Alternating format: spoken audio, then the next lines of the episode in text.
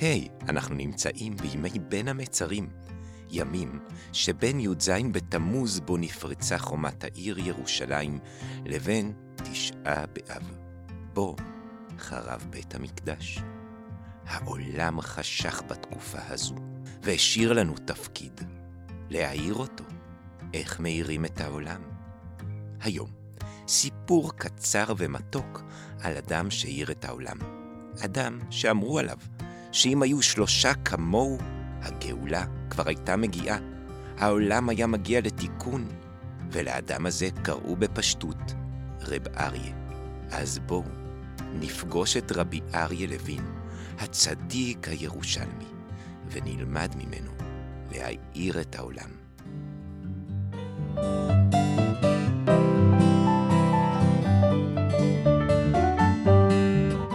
ונשמע, פודקאסט לילדים חכמים.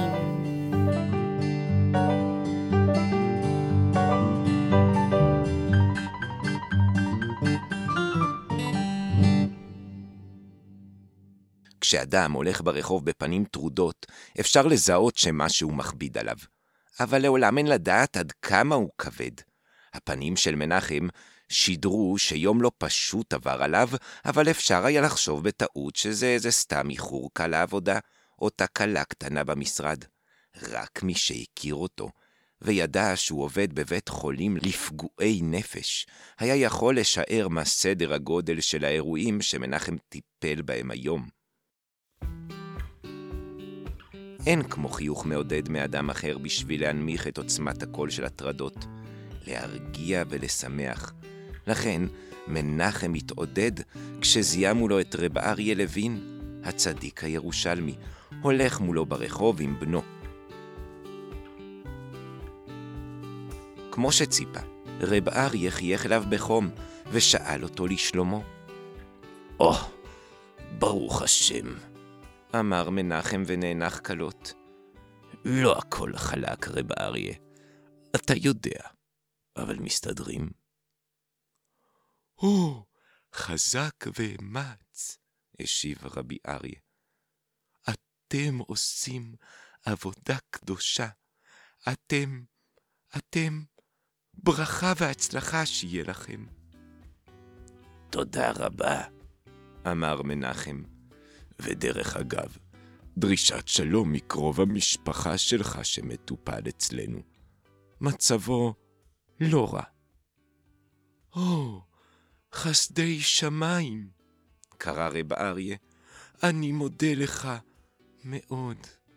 מנחם המשיך לדרכו, לא פחות טרוד, אבל עוד קצת שמחה נכנסה לו בלב. מי שנעשה כעת טרוד, הוא הבן של רב אריה, שהקשיב לשיחה שהייתה. הם המשיכו ללכת, אבל השיחה הזאת לא נתנה לו מנוח. מישהו במשפחה שלנו לקה בנפשו, ואני לא יודע מי זה. מי זה יכול להיות? למה אבא לא סיפר לי? לבסוף, הוא עזר אומץ. אבא, שאל, אפשר לדעת מי במשפחה שלנו נמצא במוסד לפגועי נפש? אה, זה בסדר, אמר אביו, בשלוות נפש. אף אחד במשפחה שלנו לא נמצא שם. אז למה? למה אמרת? רב אריה נעצר במקום. על רוב הדברים שהוא עשה, על רוב הפעולות שלו בבתי חולים, בתים של משפחות מצוקה או בתי כלא לאסירי המחתרות, הוא העדיף לא לספר לאיש. אבל הפעם הוא החליט לגלות את הסוד.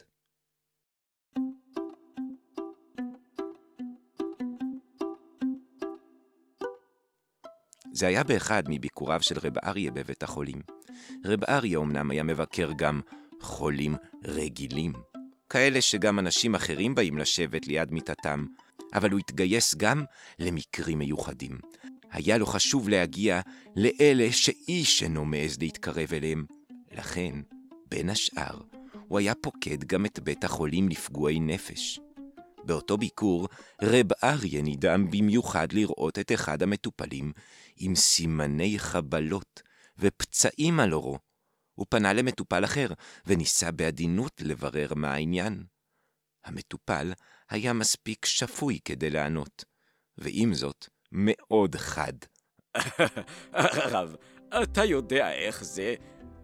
אנשים פה יכולים לאבד שליטה ברגע אחד, ואז הם משתוללים, חוטפים קריזה, אפילו מרביצים. ולמי שמטפל בהם, מה לעשות? לפעמים זה לא נגמר טוב. רב אריה לא הופתע. הוא היה מודע למצב הרגיש בבית החולים. לפני הרבה שנים, היחס לחולים פגועי נפש היה שונה. הוא לא שפט אף אחד, ולא הביע ביקורת, ובכל זאת, הוא היה מודאג.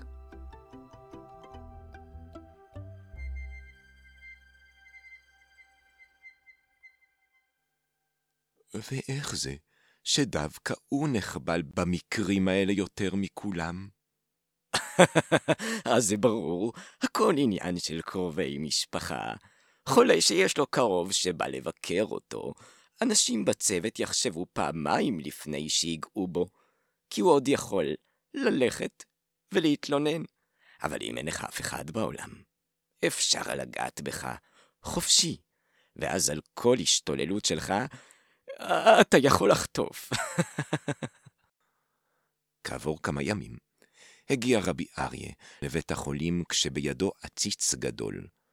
שלום, שלום. אנשי הצוות היו רגילים לראות אותו, אבל המראה של הרב עם העציץ קצת הפתיע אותם.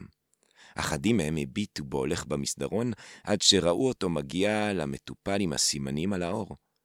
בבקשה, אמר לו, מתנה בשבילך, ממני. אחרי כן הוא הסתובב לכיוון אנשי הצוות שמסביב. זה קרוב שלי, הסביר. באתי לתת לו מתנה. משם המשיך רב אריה במסדרון וביקר, כמו שהוא היה רגיל בכל פעם, את שאר החולים. העציץ לא היה חד פעמי. מאז, אחת לחודש, ראו את רב אריה בבית החולים עם חבילה, שאותה הוא הגיש לאותו מטופל. כולם כבר ידעו שהאיש הזה שהיה נדמה שאין לו שום קרוב משפחה, שלאף אחד לא אכפת ממנו. הוא הקרוב של רב אריה לוין. האיש התעודד ושמח מכל ביקור של רב אריה אצלו, ולאט לאט גם סימני החבלה החלו להיעלם מגופו.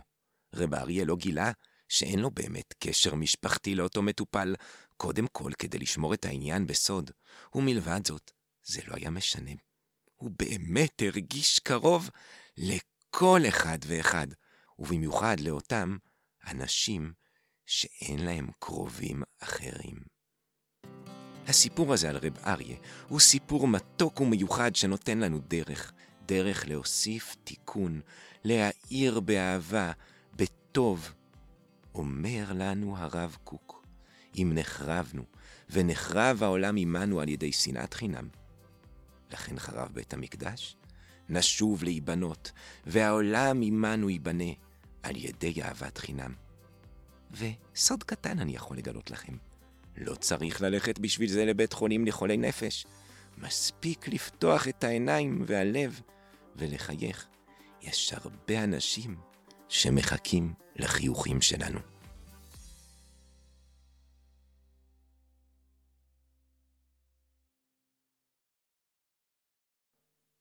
אתם אוהבים פודקאסטים? רוצים להקליט את הסיפור שלכם? אתם מוזמנים ליצור קשר ואשמח להגיע אליכם למפגשי יוצר ולהקלטות משפחתיות ומיוחדות כדי ליצור ביחד את הסיפור המיוחד שלכם. אז קדימה, פרטי הקשר באתר, ולגבי ההמשך אתם מכירים כבר, נכון? אבל בכל זאת, כתיבה זה חיים אקשטיין, קריינות ועריכת סאונד זה אני, אלנתן בראלי, תמיכה טכנית עמיעד בראלי, ניתן למצוא אותנו בכל אפליקציות הפודקאסטים השונות. ובאתר, ועכשיו גם חלק מהפרקים נמצאים בערוץ מהיר לילדים ובאתר עולם הילדים של הידברות. שלום שלום.